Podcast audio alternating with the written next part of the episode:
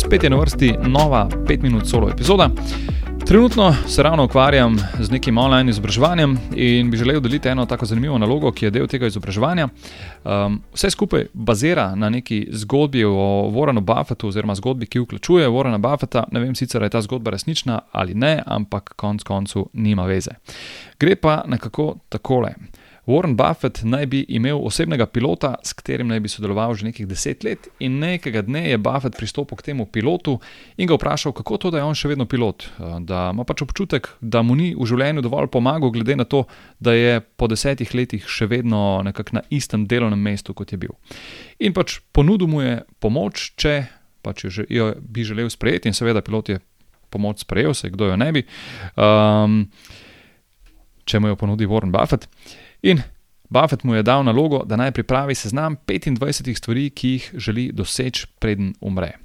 In pilot se res naslednji dan vrne s seznamom, imel je pripravljenih 25 stvari, ki si jih je zapisal, da jih želi doseči, skupaj pogledata na seznam in Buffett reče: Ok, zdaj pa naslednja naloga iz tega seznama izlušči pet tistih top pet, ki ti pomenijo največ, ki so ti najpomembnejše, in pač se vrni še s tem seznamom.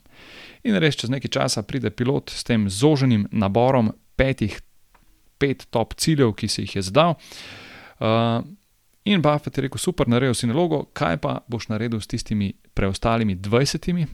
In pilot je začel naštevati, da jih bo nekako probo umestiti v svoj prosti čas, oziroma bo že nekako shendlo, da se bojo išle. In tam je Buffett ustavil in rekel: To je napaka, ki jo dela večina ljudi. Rekel: Tistih 20 morajo iti na, na avoid at all cost list, se pravi seznam, ki pač stvari, ki si jih ne smeš nikoli lotiti, um, ker pač so to stvari, ki ti bodo jemale čas in energijo, zato jih pač prelož na nekoga drugega, sam pa se ne ukvarjaj z njimi. In če to nekoliko apliciram na sam na sebe, oziroma na svoje življenje, v bistvu to nalogo, mislim, niti teh um, 25 stvari ni tako preprost navest. Um, če gre za neke pomenljive stvari, ki se ne podvajajo, um, oziroma da nekako pogrupiram tiste, ki so si podobne v, v eno postavko in rečem, da je to. Uh, kot drugo, pa mislim, da je nekako vsem jasno, da je potreben nek dober fokus na malo stvari, ampak v praksi je v bistvu zadeva ponovadi precej drugačna. Pogosto nekako skačemo iz ene stvari na drugo, iz enega projekta na drugega, iz ene teme na drugo temo, in v bistvu zadeva precej, precej preraste tistih nekih top pet, ki naj bi jih imel po, po tem receptu. In verjetno bi tudi tukaj lahko uporabil tisto reklo, um, how you do. Um, anything is how you do everything, oziroma tako kot delaš karkoli, delaš vse. In nekako se mi zdi, da smo res vsi nekako ponotranili to neko sodobno kulturo multitaskanja in da to počnemo res na vseh možnih nivojih. In je potem dejansko tudi težko izbrati nekih top 5 ciljev, na katerih imaš lahko 100% fokusa in ostale dati na tisto avoid at all cost listo. Um, Ampak ja, nekako verjamem, da se splača. Ne? Verjamem, da se splača imeti neko, nek zožen nabor stvari, na katere se da res 100% fokus. Zdaj ni rečeno, da mora biti to točno pet, kot je v tej zgodbi. Lahko so tri ali pa jih je mogoče deset, kako koli. Ampak že to, da se ve, na katere stvari je, katere stvari so tiste, na katere mora biti fokus in vse ostalo, da se nekako črta iz, iz seznama, je mislim, da vredno zelo veliko. Sicer pa gre to, uh, gre to za nalogo um, v sklopu enega coaching treninga, ki ga vodi Rič Litvin.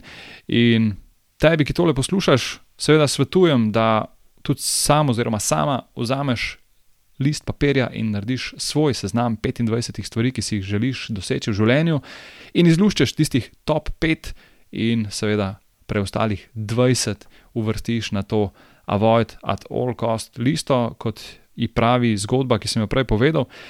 Jaz se nekako še nisem čisto sprijaznil s to, avojta toliko ost listo, uh, ampak ja, delam na tem, tako da um, sem na poti, ali kako bi rekel. To je to v današnji epizodi in se slišimo spet prihodnič. Še ena zadeva, preden greš, oziroma dve zadevi, preden greš. Najprej res hvala za poslušanje podcasta. Če ti je bila epizoda všeč, te vabim poslušati ostalih epizod, tistih, ki so že objavljene in tistih, ki še bodo. Hkrati pa te prosim, da na svoji podcast platformi podaš oceno oziroma pustiš komentar ali pa mogoče še več, da deliš podcast s svojimi prijatelji oziroma osebami, za katere meniš, da bi jih utegnil zanimati. In mi tako pomagaš pri širjenju prepoznavnosti podcasta. Še enkrat hvala in se slišimo v prihodnji epizodi.